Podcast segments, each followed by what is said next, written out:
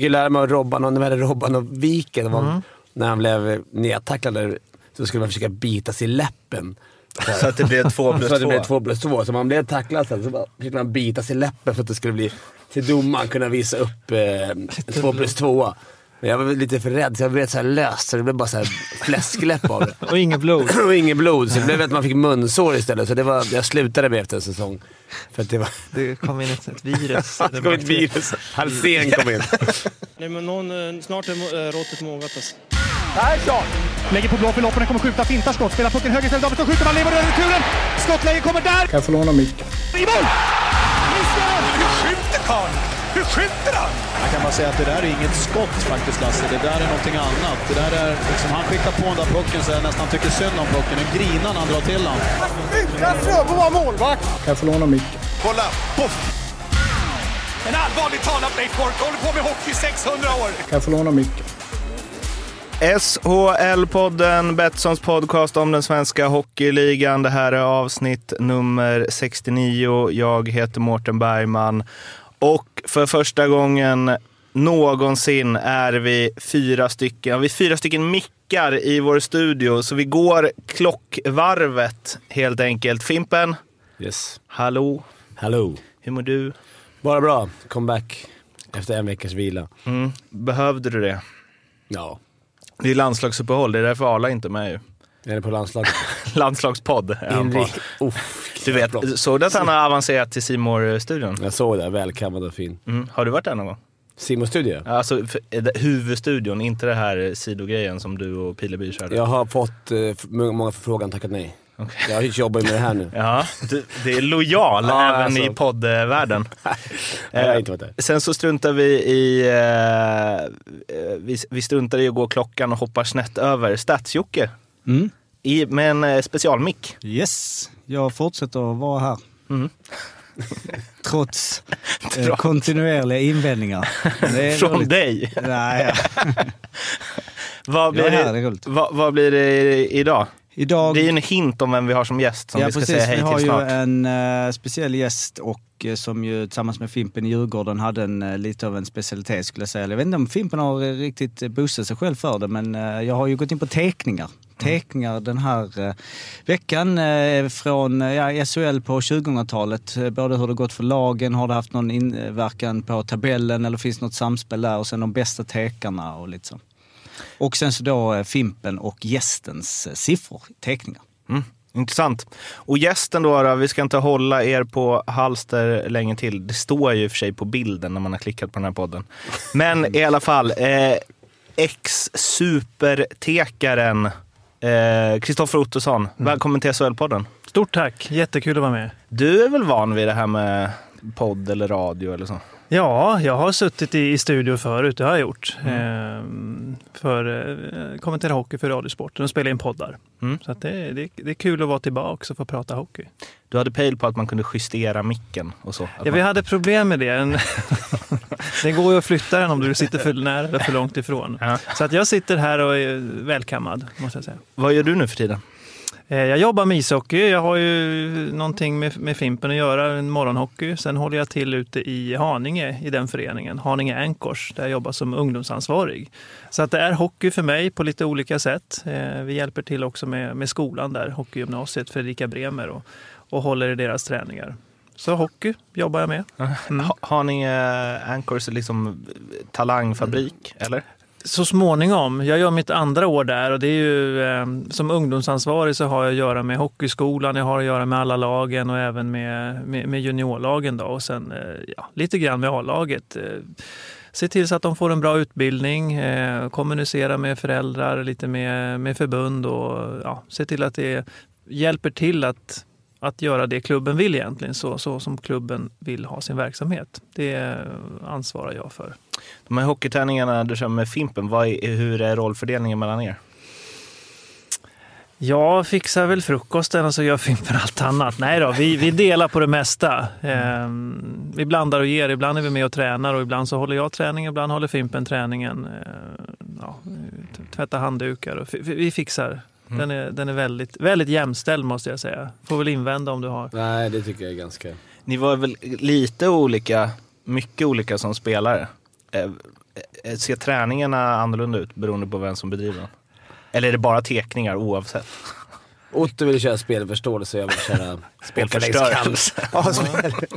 Ja, vi, var, vi var inte så olika Nej. om man tänker efter. Alltså det är, jag tror det är en lite felaktig bild, kanske framförallt av Fimpen. Eh, ja, ja, Fimpen var, om vi nu får kategorisera mig som en, som en, som en center eh, med bra spelförståelse, så var Fimpen också det. Eh, I alla fall i eh, slutdelen av sin karriär. Så det, där tycker jag du ligger lite lågt ibland. Ja. Smartnessen på plan. Men det var också i relation. Vi, var ganska, vi hade ganska bra centrar Mm. alltid i Djurgården. Förutom kanske i slutet, det var bara du som var kvar som var bra. Nej men det var, vi hade alltid Falken, vi hade Micke Johansson, Mm. du, vi hade kanske någon inhyrd center. Så det var, det var ett gäng bra centra framför en. Och då, bredvid Micke Johansson så framstår man ju... Det är svårt att säga att man är spelskicklig då. Eller spel, Ja. har bra spelförståelse bredvid honom. I den jämförelsen, så ja, men då kunde du flytta ut på ytterforward. Ja, då var men det- det, vi var, vi var mer lika än vad många tror. Det här är ju en eh, liksom, för mig världsomvälvande statistik som Jocke ska gå igenom sen. Att du har tekat mycket. Ja, men Jag ju tänker-. Jag har tänkt, jag har inte, ah, en lucka i min, min Du Fimpen-kunskap. kan, du kan inte din... Du kan inte din eh, Jag trodde jag kunde elitserie, bättre än vad jag kan. Ja, Leksand var ju väl i Hockeyallsvenskan alla de åren, så det är därför jag inte har någon koll. För du lirade ytter där i Allsvenskan sen, eller? Nej, jag var center hela... Ah, skitsamma. Jag har aldrig varit ute på Nej. Ja, vi, Visst är det, men det kanske är lite prospect då som man använder som för mycket, eh, där det står eh, left wing. mm. Får vi ringa Sibner? Ja. Han har varit här. Ja. ja. Jag skulle tagit upp det. Kommer aldrig igen hit. Nej, nej. Bernhard från och med nu. Vi ska prata lite Färjestad och deras ehm, säsong som ju började i moll och nu är i dur. Och Fimpen ska dra massa rövarhistorier om coach Penneborn. Ska också prata om Niklas Svedberg. Dels hans ramlande in i målbur och oerhört märkliga kommentaren om Johan Alsen eh, efter att eh, Brynäs och Timrå hade mötts. Men först gör vi som brukligt och kör en faktaruta med gästen.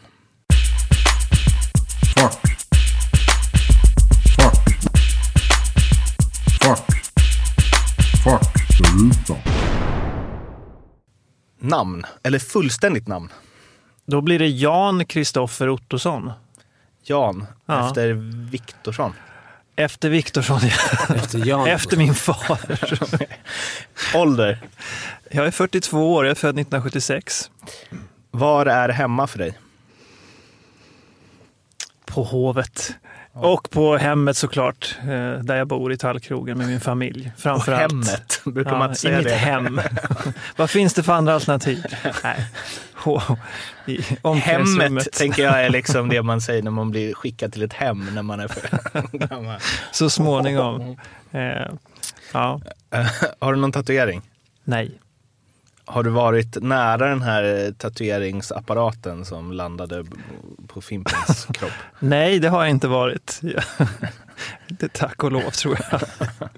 Eh, en person utanför eh, ishockeyn som du ser upp till? Oj, det finns många. Jag, eh, jag, jag passar på att nämna min fru, såklart. Eh, fantastiskt. Eh, väldigt mycket att lära och eh, eh, lär mig fortfarande. Vilket eller vilka lag klappar ditt hjärta lite extra för? Ska jag hålla mig till hockeyvärlden eller får jag gå brett Du får där? gå och berätta. Ja, eh, jag, jag får väl... Jag, jag börjar väldigt tidigt. Jag föddes ju aik av någon anledning. Eh, det kanske jag inte ska nämna, men jag tror att jag sagt det förut. Eh, sen så eh, mottogs det inte så väl, för jag, jag gick eh, i Djurgårdens ishockeyskola med en AIK-mössa på mig, vilket stack i ögonen väldigt mycket på många föräldrar. Ehm, så den mössan försvann efter en stund och sen så på något sätt så givetvis gick jag över och, blev djurgårdare efter en stund. Ehm, ehm, så att mitt hjärta klappade lite grann först för AIK. Det berodde på att det, vi hade en, en förebild nere i parkleken som, som var aik som jag såg upp till väldigt mycket. Men ska jag gå utanför hockeyn så eh, jag hejar på Tottenham med fotboll. I övrigt så har jag inte så stort engagemang runt, eh, runt något lag eller förening egentligen. Givetvis den jag, jag jobbar för. Men Tottenham tittar jag gärna extra på om de spelar och hejar på i tabellen. Sådär. Och det vi pratade om i bilen, så när vi- när vi spelade ihop. Så du, Du vill höra mig eh, namndroppa olika italienska ja, lag? du var ju- följde ju, vad hette de där? Sa- Salernitana och även Albino Leffe, två lag som ligger varmt om hjärtat. Berätta lite om Albino Leffe. Eh, Vad har du på dem? Jag, jag har inte mer än att ett väldigt roligt namn och vi pratade om det i bilen hit. Och det var, man kunde vara dem på Football Just Manager. det, just det. Om vi går tillbaka, vad kan det vara, 20-25 år i tiden. Eh, Championship Manager, ett fotbollsspel som var väldigt populärt. Så, så tror jag att jag coachade de två lagen. Ja, så då får de, eh, de som har spelat Championship Manager får leva sig in i det. Hur det var att eh, kanske då börja med ett division 3-lag i Italien och försöka ta dem till toppen. Hur långt, hur långt tog de då? Eh, Jag tror jag tog dem till Serie A i alla fall. Kanske till seger. Kanske det blir en Albino Leffe-tatuering framöver? Då? Det kan det bli, ja, om något. Det, det där med AIK-mössan påminner lite om den där intressanta grejen när Linus Lundin, det när han kom in eh, i Modo med AIK-hjälm på sig mot AIK?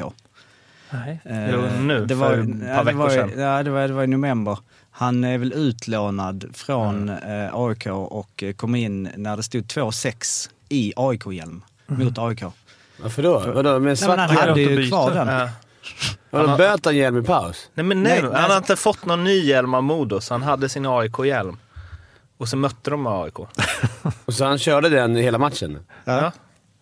Med Modo-dressen, AIK-hjälmen mot AIK. En hjälm borde inte vara så svårt att... Nej, vilken miss eh, var Modo då.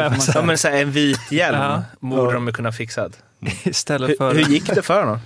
Släppte han det bara? Det stod... Ingen sköt i AIK. De bara, åh nej, du är vår keeper. Nej, det stod ju... eh, Nej, det stod 0-3 stod det och de Ja. vann med 6-2. Så han släppte in tre puckar. Men han har fått en, eh, Han har fått en ny hjälm. Modo-hjälm nu? Ja. Okej. Jaha, men vad Det är en målvakt. Det är en målvakt. Det är en målvakt. Får ursäkta Ja. min... Ja, jag var också- Ja, jag Okej, du minns- tänkte utespelare. Det Ja, hade varit... det här var jättekonstigt. Jag, förlåt att jag inte kan det, men Ja. jag, det, jag tänkte varför, hur kan han komma in i, Ja. i svart hjälm med alla utspelarna har? Ja, men Din, då, din, eh, du har luckor, jag har luckor i Fimpen-statistiken, du i Linus Ja. Lundin-statistiken. Ja, ehm, jo, alltså det med AIK-mössan också. Ja. Det är ju rätt och riktigt på det sättet. För det hade varit konstigt om du hade, ja med tanke på hela din karriär i Djurgården, om AIK hade varit ditt lag. Ja.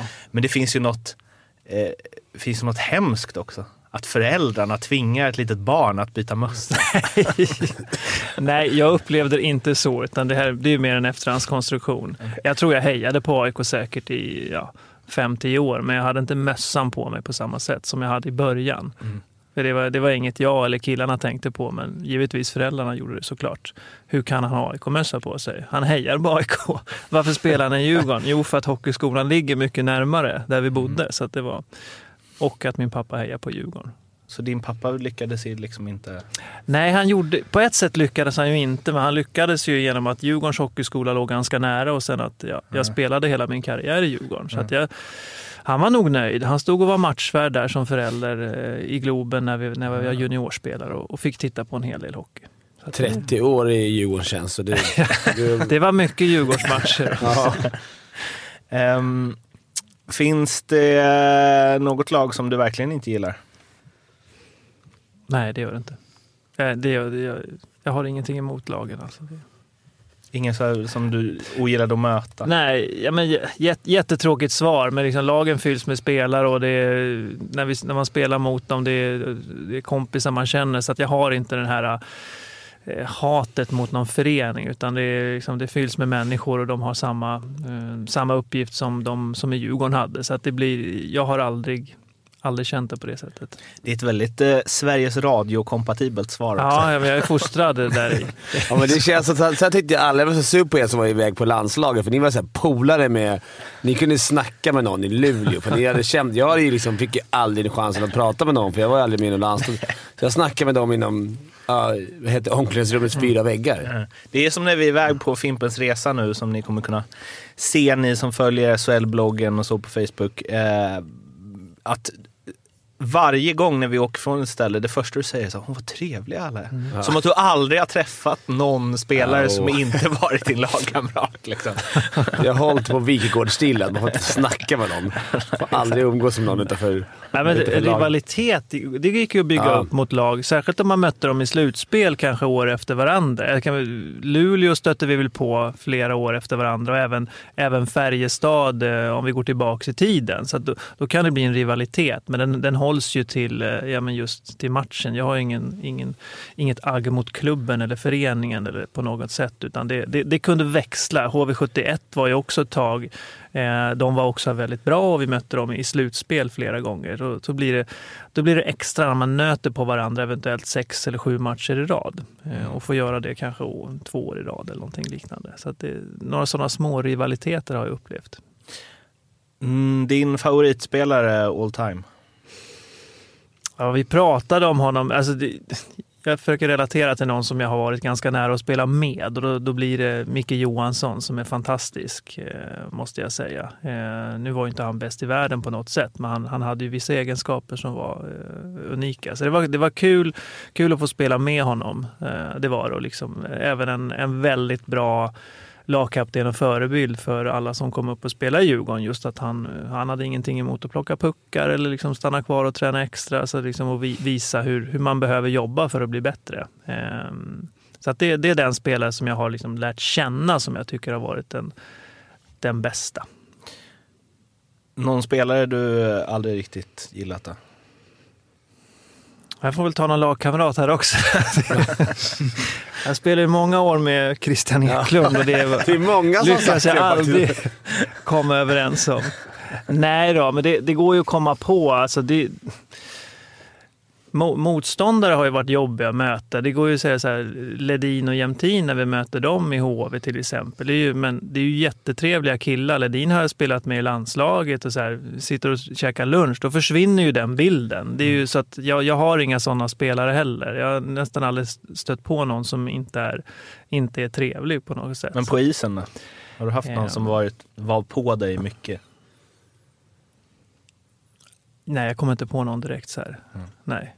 De hann Det aldrig... fin- det ja, här är jo, jo, oh, ja, det finns ju spelare i alla lag som har den rollen. Eh, och jag, men jag tror att det är bra att försöka förhålla sig till, nu blir det diplomatiska svar, men att inte gå in i det för mycket för då har de ju vunnit matchen utan mer försöka förhålla sig kall till det. Du är inte så lättretlig heller. Som en annan som på det, på det sättet. Testoladdad, minsta grejen. När man är inställd på det. De kunde ju reta dig. Du var ju bara, det rann ju bara av dig. Det måste vara tråkigt att reta dig. Jag kanske har blivit förskonad eh, just på grund av det. Ja, att de, det är ingen idé att reta, han bryr sig inte. Nej, nej sen brydde jag mig men jag visar inte. Men det det, måste- det, men det avslöjar jag nu. Ja, så att det, Vi skulle fortsatt. Det måste ju vara det, det jobbigaste om man är en eh, trash talker. Liksom. Jag, kommer, jag tror det var Mattias Bjärsmyr som berättade det om Daniel Sjölund i fotbollen. Att han liksom sprang, eller om det var Henrik Rydström, bara sprang och tjatade på honom en hel match. Han sa inte ett ord på hela matchen. Och sen efteråt bara, tack för god match. Det är inget mer. Helt Nej. Bästa obrydd. vapnet alltså. Ja, det är det. Ehm, vilken spelare idag känner du mest igen dig själv i? Mm. Ja, men jag, ja, om jag tittar. Jag, Marcus Ljung som gick till HV tycker jag det finns likheter med. Eh, en, en, ja, det, det är Marcus Ljung, Mm. helt enkelt. Det finns säkert fler, men jag kommer på honom på rak arm. Dels för att jag spelar med honom lite grann i Djurgården eh, eh, och att han, jag, jag har sett honom i Djurgården och sen så bytte han klubb nu. Så det, Eh, Ja, det här har du redan svarat på då, antar jag, men den bästa spelaren som du har eh, spelat med? mm, nej, Micke Johansson, det har jag Mm. svarat på redan. Ja. Den bästa du mött?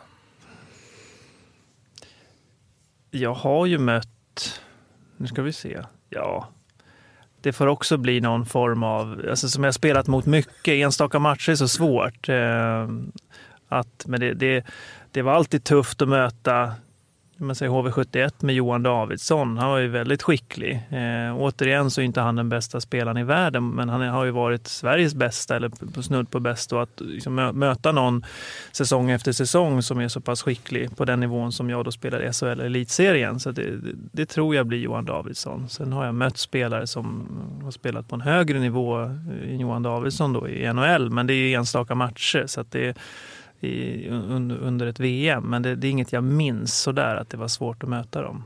Om jag säger Mora borta och lockouten. Just det, ja, men vad bra. Ja, Kommer du ihåg den? Vad rädda vi var då? Då kan vi, ja.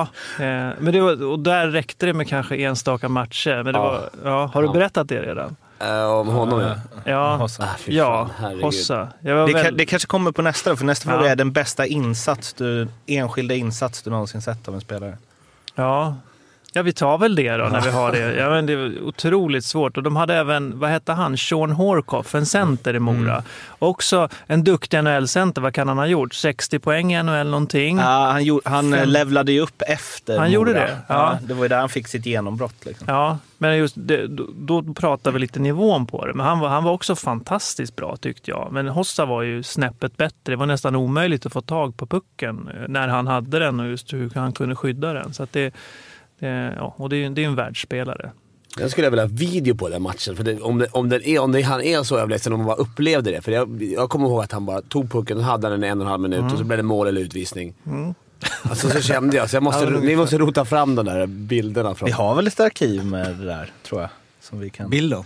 Med hela matchen. Ja, tror jag ja, men vi var inne på det när. Falken var här. Ja, jag, att det inte eh, var så. sak. jag, jag tonade ner Ja. det tyvärr. Det var lite dålig dramaturgi där när ni snackade om att han gjorde tre mål. Men det var, men han, han gjorde, väl, gjorde väl två plus ett eller då. Mm. Men jag vill bara flika in där intressant med när Kristoffer säger att vem det bästa du har spelat med. Då antar jag att det är liksom så, eh, ja, många matcher. För att ditt VM där 2001 Ja. så är det en ganska bra trupp att eh, plocka. Vi har Daniel Alfredsson, Mikael Renberg, Fredrik Modin, Christian Huselius, Jörgen Jönsson, Mattias Öhlund, Henrik Zetterberg, Daniel Sedin, Henrik Sedin, Mats Sundin. Ja, jag, jag tyckte jag nämnde det, att det var Ja, över en längre ja, ja. tid. Men det, det är ju givetvis, det går ju att plocka någon av dem såklart. Det varit Det- ett otroligt Ja, trupp där. ja, men fanta- ja. Zetterberg tror jag var med också. Jag vet inte om du nämnde Mm. honom. Men det är... Ja. Mm. Mm. ja men ta någon av dem istället. Det är bara bolla. Jag intervjuade Viktor Svedberg som ju var en kort eh, sejour i eh, Linköping nu. Han spelade ju med Hossa i Chicago. Och han nämnde ju honom när jag frågade vem den bästa han har liksom kontinuerligt varit i ett Mm. lag med. Och, eh, och där berättade han att, eh, eh, för att hans, och min bild stämde lite överens med hans bild av Hossa, att så här, ja, men en vass målskytt, snabb skrinnare. Och sen kopplar jag direkt på så här Slovaka, men de glider runt lite. Det krävs en ja, lite flyt för att det ska gå bra och så vidare. Liksom att, eh, ja, men, eh, lätt rubbat psyke och så. Eh, han sa att det var den som tränade hårdast, jobbade, mm. backcheckade mest, slet mest, alltid liksom gick i bräschen. Mm. Och att han därför höll honom högre än både Mm. Patrick Kane och Jonathan Tevs. Mm. Sveriges bästa hockeyjournalist. Får jag passa på det? Jag, jag, jag tycker det är så svårt att göra jämförelsen. Och, men jag, jag har jobbat med några, om man får räkna då, reportrar på Radiosporten som jag lärt känna som jag tycker är, är fantastiskt duktiga. Alltså, Magnus Wahlman är jätte, jätteduktig kommentator. Kunde växa upp, jättekul att, att jobba med och flera av de andra också. Så att det, jag tycker det är svårt. Jag, det blir ofta så. Jag, jag träffade ofta Hans Abrahamsson eh, under den tiden också och pratade med honom. Eh, vä- väldigt hockeykunnig eh, och kul att prata hockey med. Jag tycker han, han skriver på ett, på ett bra sätt. Nu, nu läser jag inte allt så att jämförelsen blir inte, inte särskilt bra. Eh, men men eh, ett, ett intryck av det när jag träffade honom och pratade med honom mycket var att jag, jag respekterade liksom det han gjorde. SHLs bästa spelare idag. Jakob Josefsson när han är frisk. Såklart. Och världens bästa spelare idag. Jag är ju svag för Stamkos, men det finns ju jättemycket duktiga spelare. Ehm, ja, jag, no, jag, jag landar på något sätt i Crosby, för jag tycker han är komplett med sitt defensiva jobb. Ehm, men det går, det går ju att plocka vem som helst där i bland de 30 bästa i NHL, tycker jag. Vi var på väg mot Stamkos. Det var lite som när Boumedienne sa eh, Barkov. Eh, Men han hade ju siffror att backa upp det med när vi satt som frågetecken här. Det är många som säger Josefsson. Ja, Och lika många som sa Jocke Lindström. Ja, det är nog jämnt där mellan Mm. Lindström och Josefsson. Mm. Ja. Vilket det väl är också. Eller han ja, mm. ja, det var det. Ska vi, ska vi ta en... Är det en bumper? Stats! Skulle bara avsluta eh, faktarutt med Kristoffer. Du inledde med att säga teckningskungen var det va? Så, vilket ju kan också vara, men hon gjorde ju också eh, 350 poäng på 672 SHL-matcher i grundserien och 41 poäng på 101 slutspelsmatcher. Så det var ju lite mer än bara teckningar där. Fimpens eh, poäng är ju lite skralare. Men, ja. Men mer tek. Ja, men det kommer vi in på lite senare. Procentuellt tycker jag. Du hann ju också med de, eh, de eh, gulden Mm. som Fimpen precis missade. Ja, men det hann jag. Ja, jag kom ju tillbaka i, i, eh, i lämplig tid för att vara med om dem. Jag var ju i Djurgården eh, 94, 95, 95, 96, halva 96, 97. Eh, ja, som junior, först och senior. Sen så slog jag mig aldrig in och så gick jag till Huddinge, spelade där två och en halv säsong och sen så eh, kom jag tillbaks 99-00 och vann. Varför, eh, frågade ju Niklas Falk det när han var här, eh, som ju också eh, hade en lång och framgångsrik karriär i Djurgården. Men eh, varför blev du aldrig NHL? Eller KHL eller något? För, för mig landar det nog i någon form av eh, trygghets... Ja, jag, jag tycker om lugn och trygghet, så jag hade inget... Det, jag lockades aldrig av nya miljöer eller, eller, eller på det sättet nya utmaningar. Jag tyckte det var väldigt... Det räckte för mig att spela Djurgården. Så att det, där någonstans ligger i. Eh, jag hade möjlighet, men jag, jag valde att, att fortsätta i Djurgården. Lite, lite fegt, ja, det kan man säga, men jag, jag hade nog inte gjort om valet Eh, eller ändrat mitt val om jag hade fått göra det igen. Det är liksom, får gå på, på den känsla som man har och jag hade den känslan att det var, det var lite för övermäktigt för mig att, att sticka iväg på det sättet. Kan vi få listan på NHL-klubbar som fick nobben? Ja, den är ganska kort. Det var New York Islanders som fick nobben. Men ganska långt namn på en Ja. ändå kort lista. Ja, men, men de fick nobben två gånger. Så det, ja. Eller nobb, ja. New York och allt. ja. Eller Long Island, men det är ju inte så Ja, tokigt ändå i närheten. Nej, men det är... Men Stockholm är också fint. Jätte, jättefint och det är en fantastisk klubb som jag spelat i. Och, ja. Vi sa innan vad vi ska prata lite om och det första där är ju Färjestads uppryckning får man väl säga. Eh, De slog Linköping senast 1-0. Johan Penneborn, tränaren, eh, var märkbart rörd i intervjun efteråt. Stolt över sina grabbar och hur de hade genomfört den matchen och även matchen innan vann de väl med 1-0 tror jag. De hade en tuff eh, inledning på den här säsongen och vi satt här och eh, ja, var väl ganska kritiska till hur de spelade. Att liksom det var mycket, mycket finlir men de fick inte så mycket utrymme för det för de jobbade för dåligt. Nu ligger de tvåa i serien efter Luleå eh, och de var ju guldtippade inför. Börjar de hitta det nu? Ja, det, det, jag har faktiskt sett på matcher med Färjestad. I och med, jag kollar rätt mycket på Theodor. Mm. Eh, men eh, jag tycker det är stor skillnad hur de jobbar nu mot vad de gjorde i början av säsongen.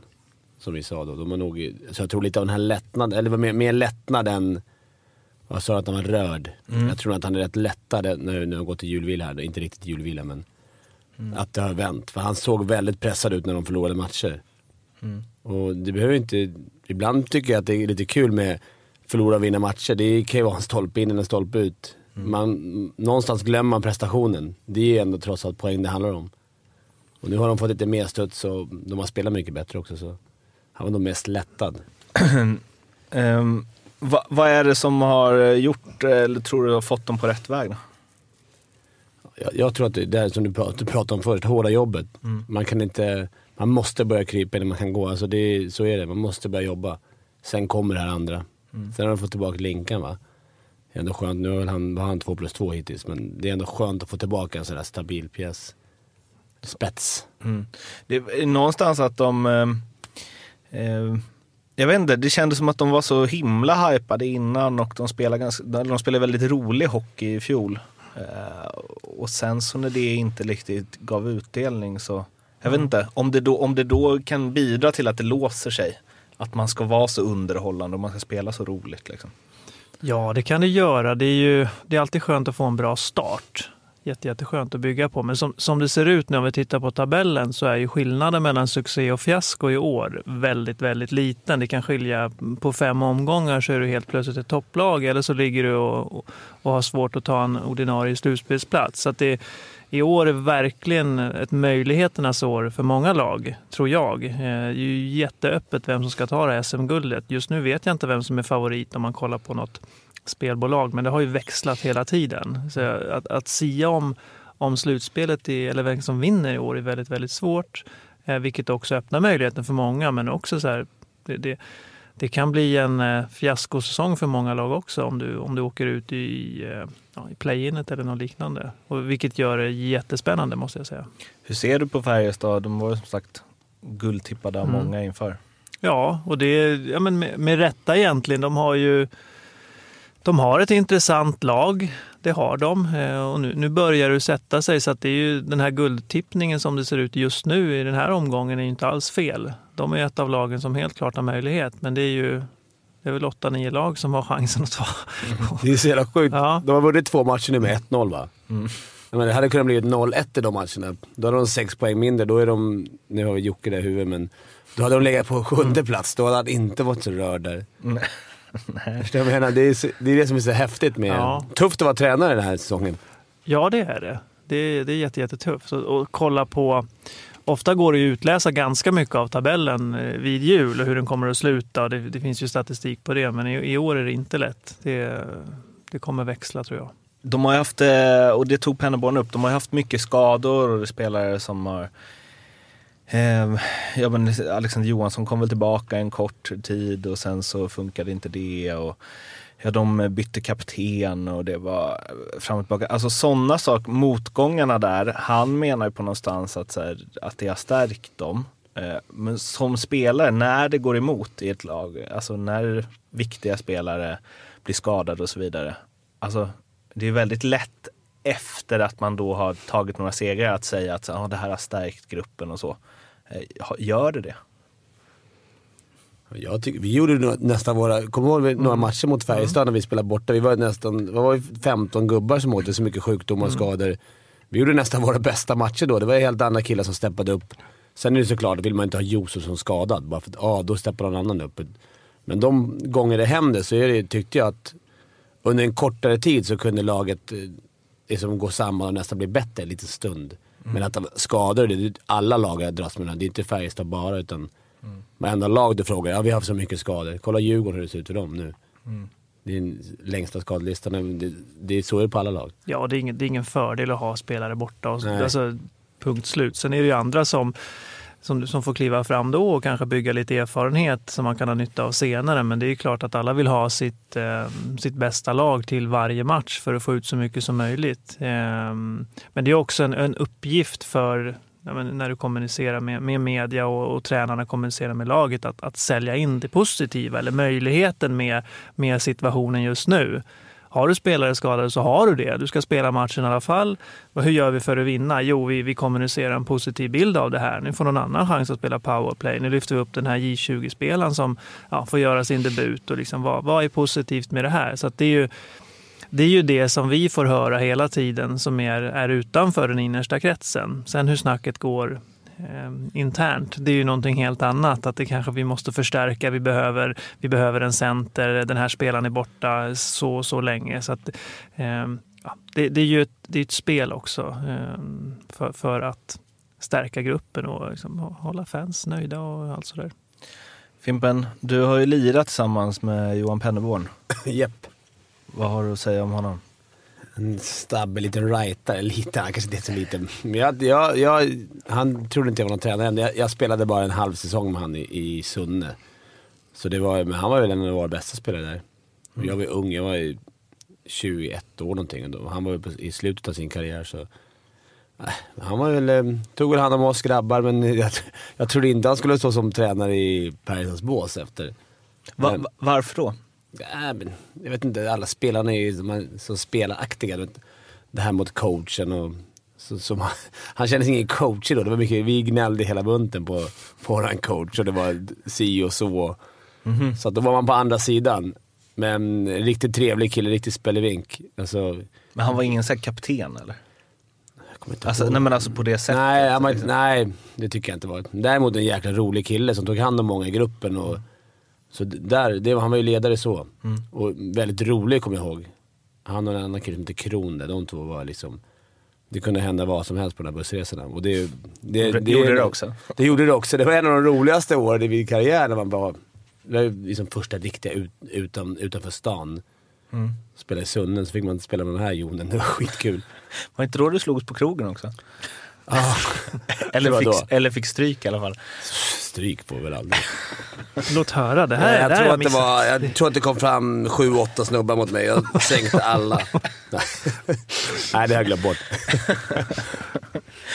Ja, vi kan ju klippa in det. Du har ju berättat om det on tape förut. Ja, det var någonting att det var den enda stockholmaren där. Eller, Ja. då. Och de skulle visa att här, kom Ja, inte hit och tro att Det du är var någon. någonting med någon, med någon kvinna inblandad också tror jag. Och då, jag fick en öl över mig. Och det, var- det var så det började. Ja. Och sen, ja, det blev tumult. Jag kommer att jag blev utslängd i alla fall själv. Och jag har blivit påhoppad, men det... det Väl, väl- välkommen till landet Ja, ju. var hårda. Så fick man bara knalla hem sen. Tur att man hade vind, vad heter det, väderriktiga skor som man kunde knalla en bit hem. Ja. Det väderriktiga skorna är den viktigaste detaljen från det, det krogslagsmålet. Om ni ska ut på krogen i Sunne, ta på dig ord- ordentliga skor. Och skriv in det gärna i Ska du skriva kontrakt i Sunne så Ja. förhandla till skor. Bra Eh, skor. Fotriktiga skor. Stats. Eh, jag bara får följa upp på... vad- Slagsmål. På slagsmål, precis. Här har vi Fimpens. Nej. Eh, nej, men lite, det är ju ändå intressant när vi alltid man ska hitta de här eh, mönstren och nu är det liksom Färjestad i form och då går det bra för dem. Men liksom, folk har ju koll på tabellen, men i nuläget har vi alltså åtta poäng från Luleå på eh, första plats till Brynäs på nionde plats. Vilket ju alltså är mer eller mindre två matcher som skiljer. Om man kollar på målskillnaden som också kan vara lite intressant. Djurgården på en sjunde plats har plus 19, bäst målskillnad i serien.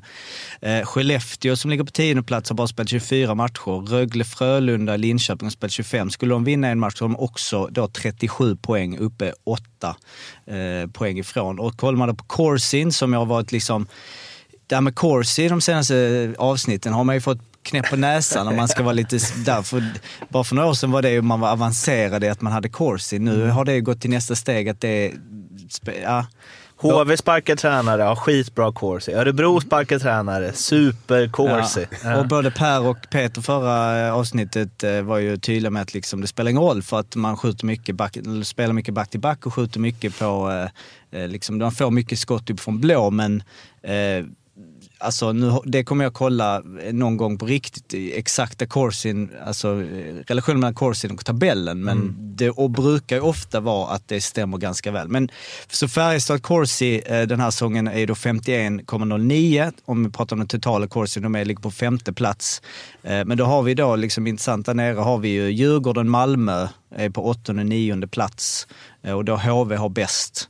Eh, Och de har ju en eh, bra eh, skotteffektivitet effektiviteten hos Färjestad är ju eh, tredje bäst. Så det är ofta där som vi har pratat om att det är där som gör att de då har nu, men så vann de med 1-0 och som Fimpe sa att eh, det är, ju- det är väldigt små marginaler alltså nu när man ska leta de här otroliga tydliga mönstren i SHL. Alltså det kan ju svänga, om tre matcher så kan det ju vara helt annat. Mm.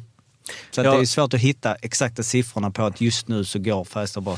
Sen ska man ju bara slänga in att, ehm, eh, som väl är, ja, Micke Lindqvist har ju gjort eh, fem poäng på åtta matcher och bidragit eh, väl under den senaste, eh, liksom, de Ja, här han- åtta matcherna. Alltså, jag är förvånad över att han inte... Ja, förvånad över att han inte tog plats i NHL ändå. Och han uh, intervjuade honom om det. Han härledde ju det lite till... Ja, det är mycket hierarkier där och det är draftval som ska få chansen och han fick eh, gnugga tredje kedjan och så liksom. Så du kanske gjorde rätt som nobbade Islanders en gång i tiden. Ja, det, det kommer aldrig vi få svaret på. Men De har, det, de har fortfarande rättigheterna för dig. ja, jag antar det. De ligger de. Jag skulle kunna ta chansen. Ja, de, de släppte ju Tavares till Toronto det, så det finns just en lucka att Ja. Jag orkar inte mer än tre minuter per match just nu. Gärna boxplay. Okej. Gärna boxplay. Ja, gärna Ja, boxplay. okej. Det är för mycket press att gå in i powerplay. Till att börja. Det andra lite st- större grejen från eh, veckan som gått sen vi spelade in senast är ju eh, eller två personer som vi har träffat de eh, senaste dagarna. Niklas Svedberg och Johan Alsen. Eh, Niklas Svedberg som står i Timrå som vi träffade när Fimpens Resa var där. Ni pratade om en gammal filmning som han gjorde mot dig när han stod i Brynäs. Eh, För sju år sedan. för sju år sedan. Eh, och ja, han sa väl att, att, han, att han föll lite lätt där. Jag tror vi båda har kröpt i korset. Vi har, Ja, för du sparkade honom. ja, han upplevde... Du hade ju sagt att du inte nuddade honom innan. Ja, men nu när jag såg bilderna så jag nuddade Ganska han lite. tydligt. Men jag har svårt att se att det skulle göra så ont så att han fick köra en flopp. Han floppade ändå 1,20 på den lilla. Så, men men han, han var ju jävligt skön. Han erkände lite att... Ja, vi slog ju straffar om det. Ja, så att han... Det får man säga. Nej, eh, men eh, eh, ni kan ju gissa hur det gick eftersom du är en straffspecialist som Exakt. vi tagit upp. Ja. Avsnitt efter avsnitt. Ja, eh, men eh, det lite lustiga med detta var ju då att han eh, bara några, ett par dagar senare döms för filmning när Niklas Danielsson åkte in i honom och han, målburen släppte och han ramlade. Eh, Han fick eh, 5 000 i böter om det. Hans kommentar till det var att eh, ja, det var ju synd att det ska ner i disciplinnämndens fickor när det hade kunnat gå till barnen i Afrika. Eh, Vilket, ja. Ja. Ja, de får de pengarna själv alltså. Det, det, då ska jag söka jobb där. och, och bara döma folk åt höger och vänster hela tiden.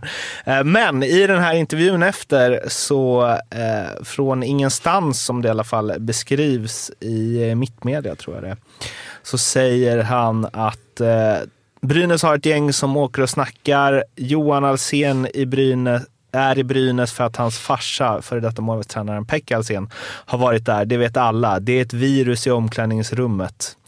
Eh, får då frågan, det är tuff kritik mot Johan Alsen. Nej, det vet alla. Jag älskar hans farsa liksom, men ja, alla vet. Jag nöjer mig så. Johan Alsen valde att inte kommentera detta eh, och i går så kom eh, en ursäkt från Svedberg som sa att jag gick lite för långt där. Det kan jag se i efterhand. Han hade också pratat med Johans pappa Pekka. De är tydligen tajta sen Svedberg stod i Brynäs och han vann även guld med Brynäs. Ehm, och Pekka hade förståelse för det här eftersom det hände direkt efter matchen och så vidare och att han förmodligen var upprörd ändå. Heder till honom att han ber om ursäkt men det är tufft att gå ut och säga så om en spelare i ett annat lag. Väl? Ja, jag hade nog inte gjort det. Jag tror, Nej, det känns om inte som om att... det då, ja, men det, och det, vi får väl anta att det, att det stämmer det som du citerar, att han sa det. Ja, eh, det, det är ju nästan ett personligt påhopp, tycker jag. Eh, så, det, så, så bör man inte uttala sig. Det tycker jag inte. Det är ju motsatsen från det som sägs på isen stannar på isen nästan. Ja, ja. Jag tycker Nej, han är så rutinerad också. så där, man kunde vara i början av sin karriär, man kunde kanske lite ville säga någonting Ja. och då, i, i sina svagaste stunder. Men det är nog någonting inpräntat. att Man visste ju att det blev, man åkte på en sån där rubrik och sen visste man att det går inte att säga någonting. Det bara bara... Men när vi det, Johan och det har du följt sedan dess, eller vad menar du? Nej, inte riktigt, men jag har försökt. Då kan ni fatta hur mycket som, inte har kommit, som jag inte har sagt, som jag har velat sagt. Men Johan Alsén, när vi pratade med honom igår när vi var där i Gävle på den här resan, så han tog det ändå med en klackspark. Nej, men han var väl sur. Väldigt- Micke Danielsson sa väl att, eh, eh, att det är lugnt för att alla har tagit vaccin. Ja, just det. Eller i, Ja, men han var ju ganska skön. Han, han var väl sur efter matchen och förlorade. Det, är- det är lugnt. Så det var väldigt skönt. Han tog det bra. mm. Proffsigt. Ja, det var eh, det är också speciellt med tanke på eh, att de aldrig har spelat med varandra. Så är det ju väldigt Ja. svårt att säga. Och att han verkar tycka om hans pappa så himla mycket är också en konstig grej att man då Ja. går ut och Ja, men det var, det var lite konstigt sagt, eh, kan jag väl konstatera. Vad, vad, vad hade det med saken att göra egentligen? Att, att gå, på, gå på så hårt på ett... Ja, det hade inte heller så mycket med hockey att göra skulle jag vilja säga. Det är väl en kanske vinnarskalle slash dålig förlorare som tog sig uttryck där. Mm. Och är sådana gillar vi ju i vanliga fall. Så förmodligen har kanske journalisten i fråga kanske utnyttjat det lite och vädrat blod. Jag tror inte att det här bara kommit Fimpen, du vet att du är på mediasidan nu. Ja, men det där Då håller vi varandra om ryggen, okej? Han vädrade en tjurig kille där som bara, du... Är inte Alsen, eh, påminner inte han lite om en bakterius? Ja, ehm, borde man, eh, alltså, eh, borde ligan på något sätt agera? Eller Timrå? Eller så? När det sägs något sånt. Eller är det för milt? Jag tänker bara, det är sällan jag har hört någon som uttalar sig om hur en annan spelare är i ett omklädning... Alltså, Jag tror Ja. Timrå själva tar, tar tag i det, skulle jag gissa på. Alltså, jag vill inte att någon i, i sin klubb ska gå ut och... Man representerar klubben alltid. mm. Men det är kanske inte är bästa reklamen. Så att, eh, men han verkar ju rätt ångerfull, så jag vet inte. nubben har tagit honom i örat. Kanske. Ja, lite mediaträning. Jag, vet- jag vet inte vad det skulle falla under, vem som ska agera under vilken flagg och mot vad. Alltså, så här, dom, domarkritik är en sak. Det här är ju nästan så här, ett personligt påhopp. Eh, nej. jag vet inte. Nej. Han verkar ju ta det bra, som han sa Ja. igen själv. Så det, det får nog lägga. Han får lära sig av misstaget, Svedberg. Som Eh. för övrigt var väldigt trevlig när vi var uppe. Verkligen. Eh, och... Eh, men på tal om filmningen där då, mot Danielsson. Alltså, där får man, eller filmningen, han, ja, han dömdes ju för filmning så det får, vi får väl säga att det är det. Eh, vad tycker ni om den situationen? Det jag tycker det är så svårt. Det, det ser ut som, nu man, när han har sagt film, tycker jag det ser ut som att han förstärker. Jag vet inte, fick Danielsson också utvisning eller? Nej, men i, Det blev ingen jag tror utvisning. ingen Nej, fick utvisning. Och Svedberg säger ju att han till och med sa till domaren att det inte ska vara utvisning. Ja, han, han, han faller ju ganska lätt. Om va- inte halkar. Men jag vet inte vad... Det är halt. Ja, det är... Mm, det har. Men var det du som inspirerade honom tror du? Som drog upp den här gamla sjuan? Det är sånt som jag Eh. sa till Otto, Otto sa, han kanske gör det var sjunde år. Återfallsförbrytare, om det är inte preskriberat det tidigare. Men det jag tycker är konstigt, för att Niklas Danielsson åker ju in i honom och han lutar sig ju mot målburen och den släpper. Det är väl inte så konstigt att han ramlar? Eller? Nej. Nej, jag har inte situationen så här färskt minne, men jag har inte sett den, ska jag vara ärlig. Okej. Så jag vet inte Då är det exakt det. Det är jättesvårt att ha den i minne då. Ja. Du är inte så färsk. Eh, nej, men generellt just eftersom det är eh, det är en tävlingssituation, du, du kanske får en liten touch. Det, är- det är ju det är ju ofta det kanske förstärks lite grann eller, eller på något sätt in, inom rimlighetens gränser. Det är, de- du gör ju vad du kan för att vinna liksom, un, un, in, inom vissa former. Så det är, ju, det är svårt det där. Var går gränsen? Och i det här fallet så bedömdes det då som filmning. Eh, Ja, det kanske inte det hade gjort om det hade varit lite mildare. Jag vet inte. Fimpen, du har sagt innan att ingen djurgårdare, eller du vill ha siffror på dem, att ingen djurgårdare någonsin har blivit dömd för filmning. Enligt mina källor, min bror ja. Ja. Sagt att, enligt statistik har de aldrig blivit fällda för det. Nej. Eller aldrig blivit utvisade för filmning. Nej. Det skulle du kolla upp till mig. Så. Ja, jag, jag ska kolla upp det. Men eh, har eh, ni filmat till er någon viktig utvisning någon, någon gång? Som ni kommer ihåg?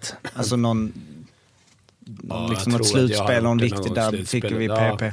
Jag, tror jag, jag tror att jag har gjort det. Ja, jag tror också jag har gjort det, men sen vad är, vad är förstärka? Får du en hakning till exempel och du känner så här, jag, jag kan ju inte röra klubban. Alltså, ska, gör jag en gest, är det att förstärka eller så visa, underlätta? Så att ja, ja, det tror jag det är omöjligt att inte spela med, att, med ett engagemang, att du på något sätt visar vad som händer i situationer. Eh, Jag sitter fast här, ser du det? Alltså, så, så agerar du därefter. Så det, har- det har jag också gjort, det är jag säker på. Men det är mer sånt.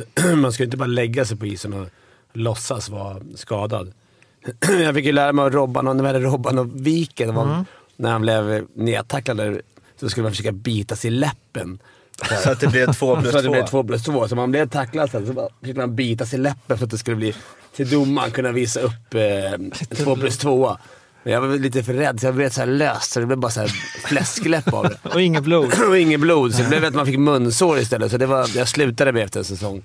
För att det var... Det kom in ett, ett virus. Det kom ett virus. Halsén kom in. Pekka Halsén, det vet våran tid. Men, Ja, eh, för det gör ju ont ju. Ja, ja. det ska man klara. Så. Det är svårt att göra illa sig själv. Alltså det, är, det, är väldigt, det säger emot allting i kroppen. Vad fan gör det, tänker hjärnan. Så bit inte där. Nej, det, det är lite onaturligt. Då. Wikegård var underbar med sådana grejer, för det kunde ju komma så mycket roliga... Ja, Han ja, var ju kul att ha som tränare. väldigt engagerad. Men då måste man, man måste ju också ligga kvar då. Och, Ja. så här, och sen så titta upp liksom, eller vadå? Ja. Domaren kollar åt ett helt annat håll. Hallå? Jag blöder. Ja. Ja. Men de brukar visa upp, i, ibland har man sett utvisningar, höga klubbar och sånt, då brukar de åka till domarna och visa upp. Mm. Fast då brukar det vara liksom stora jack. Det är lite skillnad. Mm, så jobbigt att bita så hårt varje gång. Ja, det kan För okej, man kan klämma någon finne eller något.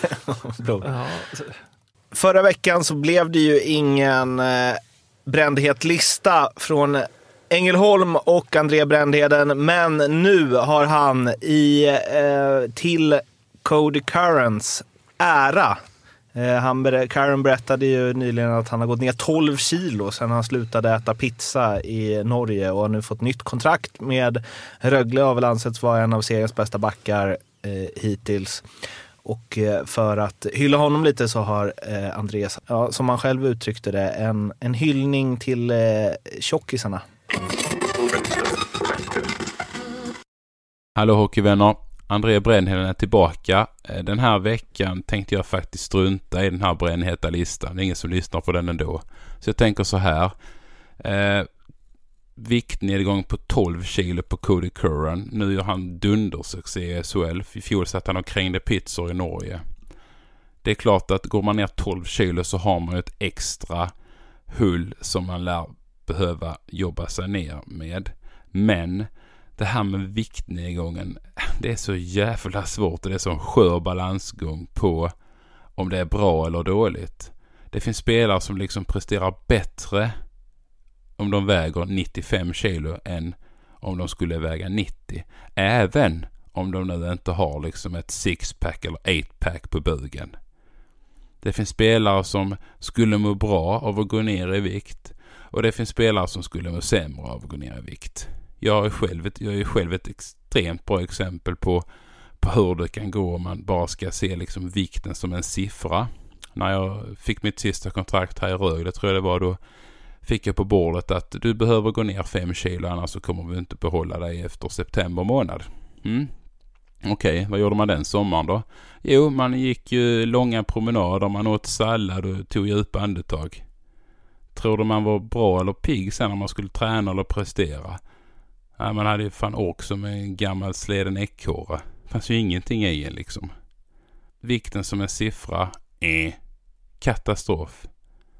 Så att jag tycker det är sjukt viktigt det här liksom hur man ser på eh, vikten. Att man har professionell hjälp vad gäller det här med vikten.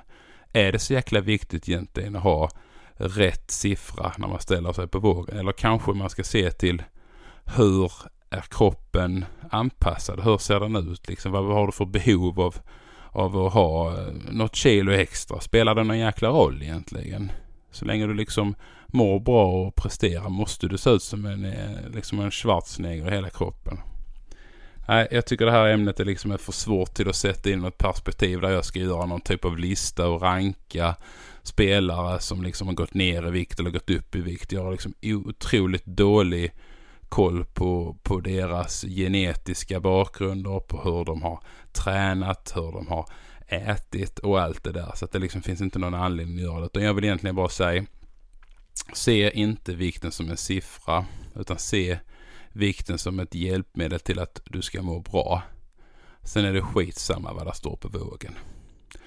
Just nu står det alldeles för mycket på min våg och det känner jag själv också att jag inte helt mår bra. Så visst, då finns det ju en anledning till att gå ner i vikt. Men fasen inte alltid om du är elitidrottare ska trycka dig ner i vikt bara för att du ska vara eh, ha någon målvikt som alla andra har eller som du får press på dig av någon annan till att ha. Nej. Må bra och ta hand om er där ute. Alltså ingen brännheta lista nu, utan allmänt lite viktsnack. Ha en god vecka. Hej då! Det var alltså André Brändheden med sin brändheta lista. Till nästa vecka så kommer André leverera ett eh, knippe julrim. Så ni som lyssnade på julavsnittet förra säsongen vet ju vad ni har att se fram emot. Han är ju otroligt begåvad på det. Så det blir någon, en karamell att eh, suga på. Nu ska vi snacka teckningar. Stats! Yes, och eh, min lilla statistikdel börjar vi såklart med veckans eh, visserumsuppdatering. Vi har ju skaffat oss ett eh, nytt lag, eller vi har eh, bestämt oss för att hålla på eh, Visserum som man då småländskt ska säga, eller Virserum. Jag vet inte, vad ska vi köra? Virserum. Ja, men Vish, alltså att det blir ett sh av Nej, det, det blir det absolut inte. Men det blir Visserum eller Virserum. Hur skulle du säga? Visserum skulle jag säga. Visserum. Virserum. Ja. Har, har du några erfa- erfarenheter av Virserum, Kristoffer? Nej, jag kan inte placera på kartan heller. Jag, Jönköping är ju välbekant i Småland och även eh, Bodafors ett litet samhälle. Men jag, Virserum hittar jag inte. Ja, det ligger i Småland. Ja, ja, Och det ligger i Sverige va, Småland? det ligger i Sverige, det, Småland. Precis. Eh, Ja, men vi har ju bestämt oss för att vi ska följa dem lite extra efter att de har eh, presterat eh, lite eh, galna siffror under säsongen. Och i helgen då så um, spelade den första matchen i alltrean. Och jag yrade ju runt lite där förra veckan hur alltrean och hur det ser ut för att man ska komma då till division 2, som vi såklart hoppas att eh, Virserum ska göra. Och eh, då är det så att nu så spelar de i alltrean, där eh, lag 1 till 4 i den serien där det finns åtta lag går till kvalserien till Hockeytvåan. Och där så är det fyra stycken eh, lag i fyra stycken serier och eh, vinnaren i varje kvalserie går eh, upp till Hockeytvåan. Så det är förutsättningarna. Och i helgen då så vann de sin första match mot Åseda IF. Eh, 3-2 efter förlängning. 18-årig backen Olle Engqvist avgör. Så ja, då har vi det. Simon Dahl. Simon Dahl gjorde väl en ass tror jag. Eh, Vilken enorm nivåskillnad det måste vara Mm. på eh, Ja, det- alltrean och trean. Jag ska dubbelkolla snabbt. Nej, Simon Dahl gjorde ett mål. han. Ja, det är viss skillnad mot hans... Vad var det han gjorde? En match, 22 poäng tror jag. det är bra. Det är, det är ganska bra. Så Åseda där. Eh, nej, och sen så jag sa i förra veckan att jag skulle följa upp de nordamerikanska värvningarna. Och det var egentligen Fimpens eh, grej där, att du ville veta hur det har gått för vilka lag som har värvat bra nordamerikaner. Förra veckan gick jag igenom hur det har gått för nordamerikaner. Men eh, så eftersom Kristoffer kom och jag började kika lite på med teckningar som jag tänkte göra innan så eh, väntar vi med den till en annan vecka och ser kanske när det är lite mer transfers. Eh, så. Eh, nej, men jag har kollat på teckningsstatistiken i elitserien och SHL under de senaste 16 säsongerna, sedan 2003 och eh, försökt ta reda på hur eh, viktigt det är, om det finns några som eh, utmärker sig och sen så om, eh, liksom, ja, om, om lagens tabellplacering har någonting med teckningens eh, placeringen att göra, om det finns någon eh, korrelation där. Och då Fimpens och eh, Kristoffers siffror. Som är intressant om, ni, hur, hur, om de har någon koll på deras, sina teckningssiffror genom åren och hur de är internt och sådär. För de, man hör ju ofta det, att det är så viktigt att vinna tek Mm. i offensiv zon och i defensiv zon. Och i neutral zon. Ja, det är lite Nej, mindre ne- kanske ne- viktigt. neutral- Det är alltid hockey skulle jag Ja, säga. det är alltid hockey, ja. Ja men, Eller? Ja. Sen 2003 då så har det varit eh, 320 132 teckningar på 10 262 matcher, vilket är ett snitt på 31,20 teckningar per match. Det är alltså ungefär varannan match man eh, tekar. Eh, procenten vinster i offensiv... Varannan match. Eh, nej, förlåt, vad säger jag? Eh, Minut. Okej, jag s- säger det ändå. Eh, vilket ger ett snitt på 31,20 teckningar per minut. Eh, Nej. nej. nej. Det är skittråkig match. Vänta, vänta. Nej, vänta. Alltså, det nej, jag tar... Nej, Love, du får klippa... Nej, klipp Ta- inte det här. ta Det här bort är guld. Jag säger det igen. Så, sen är det så det var 320 132 teckningar på 10 262 matcher, vilket är ett snitt på 31,20 teckningar eh, per match. Eh, procenten eh, vinster eh, i offensiv respektive defensiv zon sedan, det, sedan 06-07 för att det gick SHLs hemsida. Vad tror ni eh, det, den procenten är? Om man då bara tar teckningar offensiv defensiv och var man har vunnit. För båda lagen har ju gjort båda, så var, hur är procenten liksom i vinster? Jag skulle gissa på att man vinner lite mer tek i egen zon. Framförallt på ena sidan, men det, det kan inte du se på det där. Nej. Eh, Nej. Gäll- Gäller det alla lag menar? Att det är att till vänster och till höger? Eller tänker Ja, om du det är lättare så är det lä- lättare om domaren står till vänster. Om det. Men jag skulle gissa på att man vinner, vinner fler tecken i egen zon. Vad tror du? Ja, det skulle jag också tro. ehm, faktiskt. Mm. Mm. Ja, det är faktiskt eh, 53,10 procent vinst i offensiv zon jämfört med 46,9 i defensiv zon. Så det är nog ganska, det låter inte så mycket men det är ganska eh, många teckningar där som ändå vinns i offensiv zon. Eh, om man jämför den totala teckningsligan varje säsong för lagen i SHL med tabellen, eh, inklusive år då, har jag räknat in då, så kan man säga att de, eh, av de 16 seriesegrarna, inklusive år den som leder, så vann två lag teckningsligan. Det var HV71 07 08 och Skellefteå 12 13. Totalt sex av dem som vann, Luleå inräknat i år, eh, kom topp tre i teckningar och 12 av 16 hade gått till slutspel i teckningar så att säga. Alltså kommit på den platsen. Så där finns det ändå en eh, viss, eh, liksom så, om man tänker på de som vann. Endast två stycken i serietopp var i botten i teckningar. Det var Växjö förra säsongen som kom 11 och Luleå i år är det näst sämsta laget på att teka trots att de leder. Det är också en otroligt jämn serie som vi sa så att jag vet inte. Det är intressant också om man kan utforma en taktik för att förlora tekningar. Så här gör vi när vi förlorar tekningen. Det är jättelätt. Det, Ja, men alltså så här, lyft bara upp klubban. Lu- Luleå är ju uppenbarligen väldigt bra Ja. på att vinna matcher Ja. utan att vinna tekningar. Ja. Så de kanske har, Bulan kanske har knäckt något där. Mm. Mm, eller så är det så att de kunde varit ännu bättre om de vunnit fler teckningar. Kan det också. Det kan det också vara. Det låter väl lite mer logiskt. eh, om man tittar på de tio lag med bäst teckningsstatistik sedan 03, det vill säga alltså dratt alla och kollat på vem som har haft bra procent, så kan vi konstatera att tabellplaceringarna för dem är Alltså till slut är 8, 3, 11, 5, 1, 3, 6, 7, 6, 8. Så det är liksom, ja, Spretigt. det är lite, de ligger ju inte i botten men det är lite sådär upp och ner. Så att, och jag kan ju dra hur mycket siffror som helst. Sa att det fanns, det, det verkar inte finnas någon supertydlig relation. Det är de lagen som är lagen som ligger, kom dåligt, som kom liksom eh, på, i sista plats, då är det ofta liksom, ja men Karlskrona förra säsongen, de kom sist i tabellen och sist i teckningar. Även Karlskrona, mycket Karlskrona där nere, de 15-16. Så där, där kan man säga att det är ganska tydligt att lagen som har kommit på en dålig placering har, ligger, tenderar att ligga i botten av teckningarna. Men det är liksom ingen det är inte en super eh, eh, liksom Men jag t- jag tänker- belagd eh, relation. Jag tänker att de lagen som i alla fall, eller så här, har du kollat slutspel också? Eller Nej, det är grundserie. Ja, för det är grundserie att... För jag tänker att när vi kör, det kommer vi köra mer när det är slutspel. Exakt.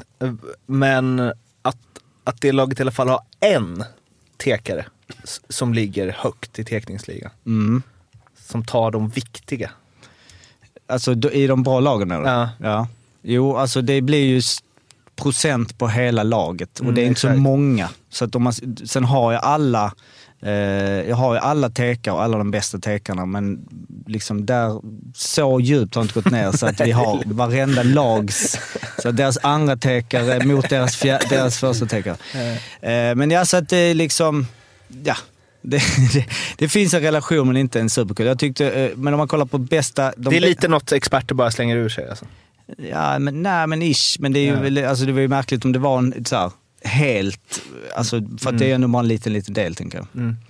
Eh, och de bästa tekarna, eh, liksom genom, eller sedan då 03, eh, som har spelat över 20 matcher, ehm, eh, nej per säsong menar jag nu, alltså den bästa eh, som har gjort, det har vi ju ehm, eh, Matt Anderson är, har ju allra bäst. Han har ju spelat eh, eh, en match eh, den här säsongen och han har då på 14 teckningar vunnit 10. Så han ligger högst upp 71 procent. Men han kanske inte man ska räkna in.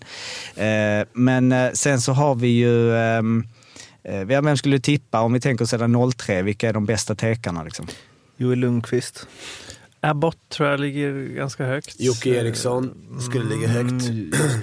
Och sen även han, men han är bara en säsong, han som var hos oss som var typ Torontos bästa tekare. Kommer du ihåg? Mike Zigomanis Just du det. Mike Ja. Zigomanis. Han, han var sjuk. Djurgården och Niklas Falk också tror jag. Och både jag och Otto ligger nog det. Ja, men eh, Lundqvist, Abbott, jag tror det finns någon mer där. Jag kommer inte på någon mer. Men HV måste ju ha haft någon som... Davidsson var inte han Han- Så jag tror inte han ligger så jättehögt. Så, Han var den starka killen som vi pratade om. Han som var i Skellefteå, läskiga snubben som tekade. Amerikanen. Han som inte, var han inte i Skellefteå? Mm, nej, det var... Jo. Eh, Nej, Lee- var det Lee Lee Goren. Goren? Lee Goren, om han tekade så Ja. skulle han ha vunnit ganska många var bara på ren förskräckelse. Lance Ward. Fosfaträkningar. Nej, men ni har eh, väldigt bra koll. Vi har ju eh, Joel Lundqvist har den eh, bästa säsongen. Eh, 16-17 och han hade 65,89 procent. Det är ju Mycket bra. Då hade Eh, vi slutat i och för sig. Då har ni slutat, ja precis. Då är det. Sen hade vi Zigomanis 0910, ligger också där uppe i toppen.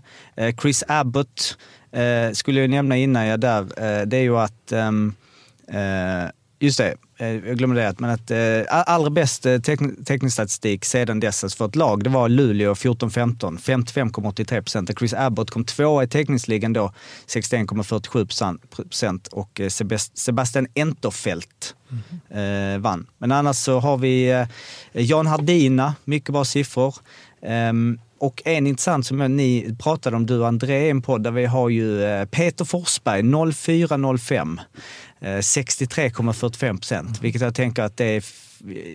Han var väl en bra tekare, men jag tänker att det fanns en del respekt där. Eh, min teori. Det kan jag vet inte när ni...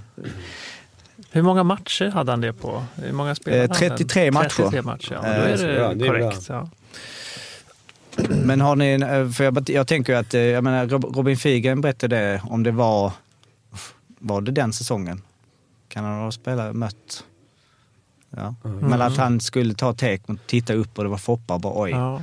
Att det var någonting med att han var hemma då under lockouten och gjorde att... eh, Han var rätt stark också och, i, och ganska bra på Mm. teka. Så det var inte bara att man var respekt. Alltså jag, vet, jag tror nog att jag försökte göra allt jag kunde för att vinna den här tekningen. Men han var, jag, jag kommer ihåg att han var rätt stark överlag. ja, det Mm. var han. Och jag, minns jag som när vi skulle möta honom på Hovet så var han sjuk. Jag har för mig det i alla fall. Alltså det var någon En gång bara- var med. En gång var han med och en gång var han sjuk.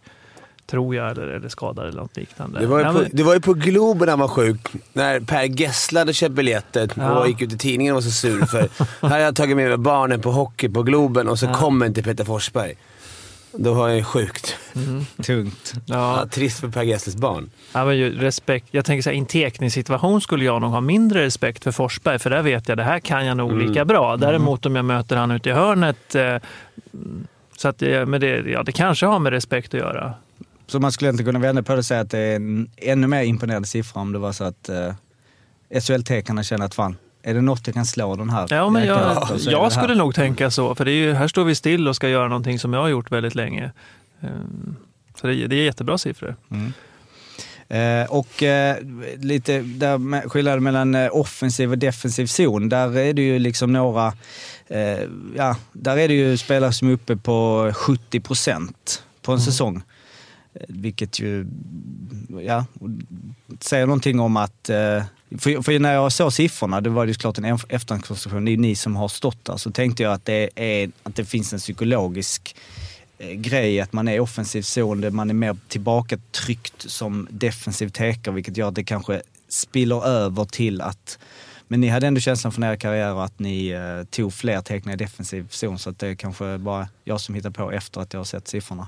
Det känns så liksom att det på något sätt blir...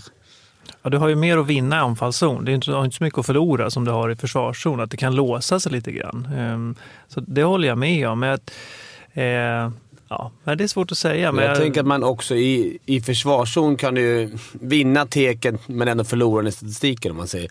Jag kan vinna teken bak den studsade sargen men deras forwards är först ner. Det kan ju inte hända i anfallszon. Du vinner ju inte en tek bak till backarna och så är det någon snabb som tar den. Utan man vet ju många gånger man hade vunnit hem den och så vann de pucken ändå. Och då får jag en förlust i teken. Så det tror jag är mer det. ja, det, det borde ju vara Det där en var jäkligt smart sagt, Ja. kände jag själv. egentligen hade du högre procent. ja, precis. Ja, men det vore kul att gå in i den här statistiken ännu mer. Det är i och för sig svårt, men att titta på, det, det kanske lagen har den statistiken, just hur, eh, eh, men vil- vilken sida tekningen tas på, hur den förloras och hur den vinns. För i försvarszon kan du vara nöjd med att, med att i första läget låsa så situationen blir kvar så att det blir som en, kanske en gröt. Sen om en anfallsspelare kommer ut med pucken, det gör inte så mycket. Du, din uppgift är att inte förlora den rakt bak till backen så att det blir ett farligt skott. Så att det, det finns olika nyanser i, i tekningar också. ehm, hur, hur du kan välja att förlora eller vinna en tek. Speciellt i slutet när det är två sekunder kvar. Då gick Ja. man kanske bara in och låste och då torskar man ju teken för att de grävde ut det. Men, men de här två sekunderna gick och jag lyckades med det man skulle göra. Mm. Ibland. Det, när du säger, det är extremt sällan man ser en forward hinna först på pucken. Alltså en defensiv forward hinna först på pucken när det offensiva laget vinner teken. Ja, extremt ovanligt. Men Vem? om man vinner en bakåt så är ju ofta Ja. backarna... Exakt. Men det händer ju såklart. Det är ganska snyggt, för då, de blir, då tänker jag så här Wall, Sarg, Fri. Mm. Ja. Marian Hossa. Ja, han vill inte sätta det läget. Men om vi går in på era siffror då, för det var ju som jag sa, vi eh, hade inte riktigt koll på att du eh, var så bra tekare Fimpen. Eh, Nej, vilket man kanske borde, du visste inte ens att han spelar center. så att det är ju liksom, Som du hade helt koll på. Ja. Det verkar inte göra större Nej, men- intryck att vara duktig tekare. Nej, men ehm, vem, tror, vem, om ni, vem tror ni var bäst tekare av er då? Jag tror Fimpen har högre procent. Jag tror Otto tog lite jag. fler teckningar, för då är det längre, du var längre center. Jag var bara center i 6-7 år. Du Och var, spelade mer väl också. Ja, absolut. Du har tagit fler teckningar. Ja, men du, jag tror du har tillräckligt många teckningar för att kunna dra en slutsats. Att jo, du har, absolut. Eh, jag tror du ligger någon halv procent eller någon procent Alltså, högre. ja, kanske. Eh, Ja, jag, Jag tror vi ligger båda strax efter Jocke Eriksson. Om jag skulle gissa Djurgårdens... kan det vara 52, 53, 54 procent där någonstans?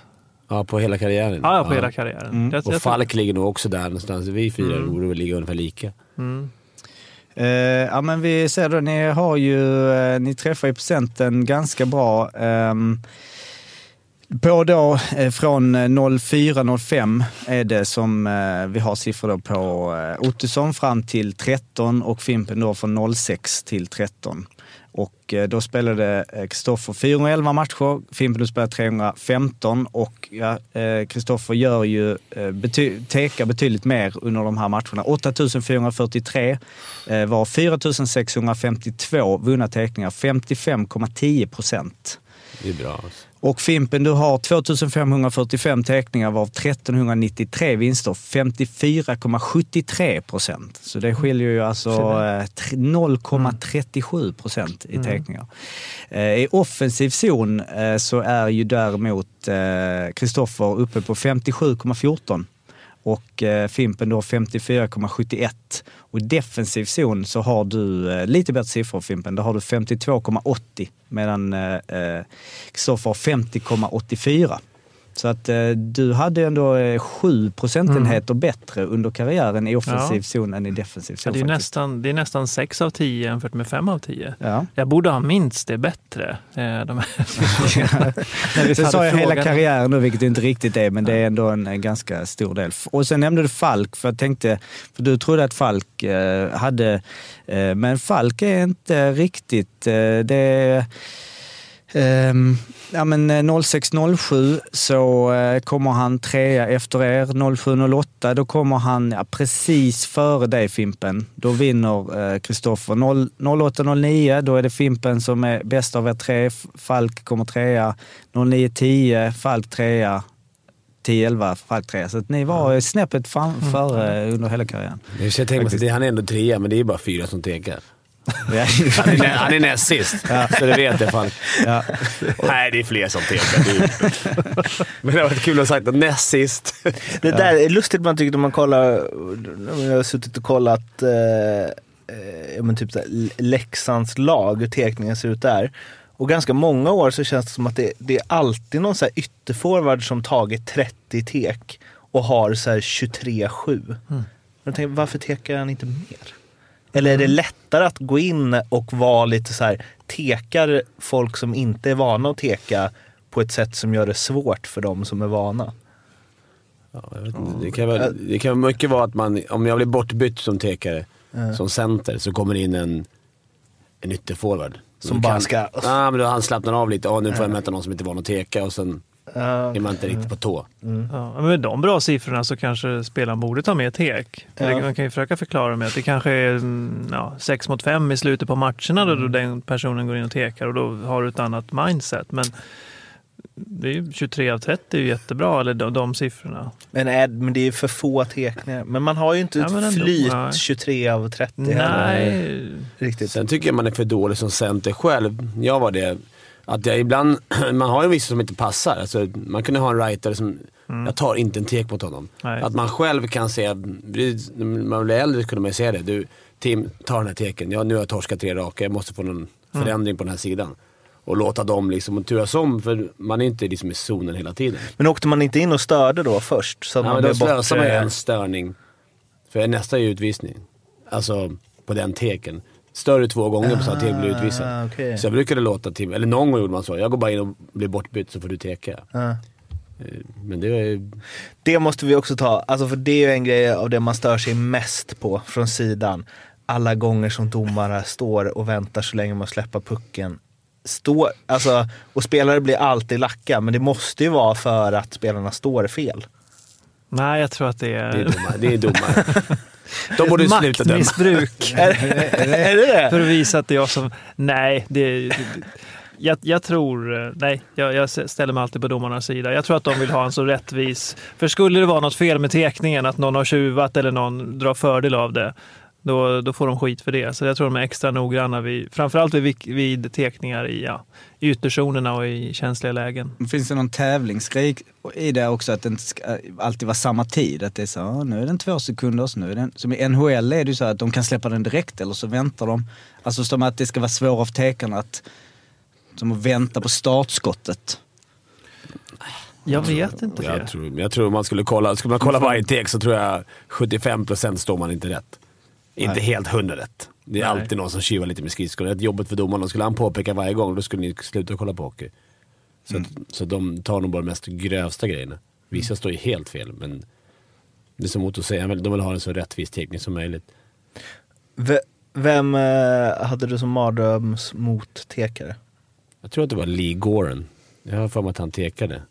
Eh, Det kanske han inte gjorde, men jag att han var väldigt, väldigt stark. Och det, han slog, när han skulle lå, han slog väldigt upp med klubban, så man fick hans klubba på armarna. Eller på ovansidan armarna. Kristoffer? Mm. Ja, det blir de som vi har nämnt som, som var i topp. Alltså svårt att möta Lundqvist, svårt att möta eh, Abbott. Eh, generellt lite knepigare att möta rightare. Jag vet att HV71 hade något år där Johan Davidsson tekade åt ena hållet och Voutilainen åt Just andra det. hållet. En leftare och rightare. Och du, du får fördelen om du kan liksom teka bak den med backhand. Så jag föredrar, eller de flesta leftspelare föredrar att teka på den, på den vänstra sidan där du kan vinna pucken liksom åt ditt starka håll. Eh, och när de då bytte så, så mötte, fick vi hela tiden möta en som hade det starka hållet. Det, det var svårt och det var fiffigt gjort av dem. Har någon av er gjort mål på tek? Kanske ungdomsår. Man jag direkt. minns Ja, inte. jag har inte. Vi Nej. hade en kille, kommer du ihåg han, hette han Hult? Mm. En HV-kille, ung kille, som hade variant. Alexander Hult hette han, just det. Ja. Han tekade fram mellan benen sen direkt Ja, åt sidan så blev det friläge, eller blev det öppet mål. Vi försökte den varianten 20 gånger, men det gick en gång tror jag. ja. Mm, nej, jag har inte gjort det. Jag försöker ibland lite veteranhockey, men det in, inte på högre nivå. Eh, innan vi går in på eh, sista eh, grejen eh, så ska jag då eh, säga att ni kom ju, du kom eh, topp 25 fyra gånger i SHL under de här ramfimpen. Du kom på en åttonde plats, en nionde plats, en sextonde plats och en tjugonde plats medan Kristoffer eh, hade faktiskt mycket som eh, sex, styck, sex stycken topp åtta under då 04 till 13. Mm. Där du eh, 0910 kom på fjärde plats mm. i tekningsligan. Ja, då kickade bonusen in där. Ja. Ja. Det mycket väl. Tekningsbonus. Tekningsbonus. Ja, Topp 10 teckningar. Eh, Lee Goren var med. Han kom 15 plats där eh, 0809. Eh, när du kom på en kan vi bara se om du kom före Lee Goren där som var din värsta motståndare 08.09. Då kom du på nionde plats. Så du var ändå snäppet mm. Eh, bättre där.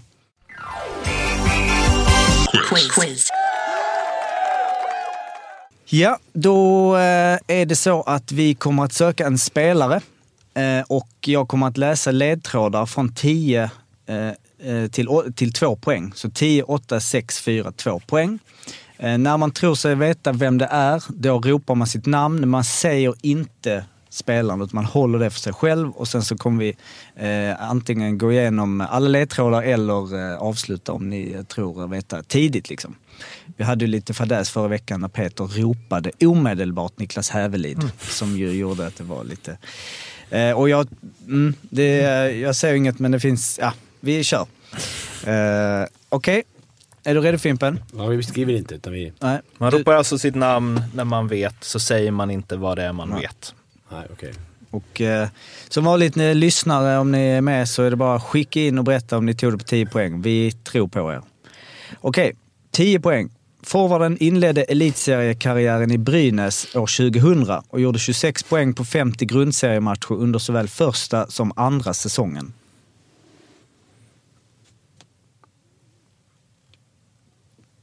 Hur många poäng? 26. Sitter du där med lite prospect? Nej.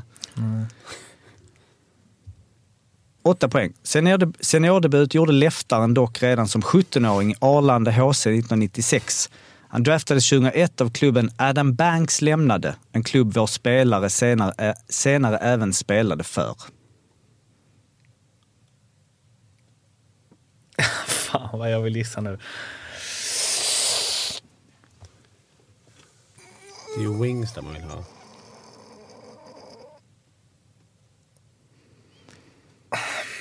Sex poäng. NHL-äventyret blev dock inte så långvarigt. Trots 50 poäng på 67 matcher för Cincinnati Mighty Ducks vände han hem till Sverige. 34, 46, 54 och 67 poäng under de första fyra säsongerna i klubben nådde fram till karriärens största besvikelse. Mårten. Otto. Ni sa? Alla ni. Jag sa Ja. mitt namn. Det är det, Ja, som var du sa. Helt Ja. rätt. Men Han, sa, eh, han sa sitt namn. Säg nu inget Fimpen här nu. Va? Eh, nej, du kommer fatta sen. Och Daniel är ute i eh, kontrollrummet ropar också. Har du, du har inte sagt? Jag har inte någon Nej. aning. nej. Fyra poäng. Linköpings poängkung drog sen österut där han fortsatte ösa in poäng och får Ja, vara jag vet med. också Fimpen. Får vara med. Merda. Vinna två. Gagarin Cup, han har även ett guld och två VM-silver. Två poäng. Med 40-strecket i horisonten öser han på i Hockeyallsvenskan där ligger tvåa i poängligan. Vem var det vi sökte? Ett, två, tre. Tony Mårtensson.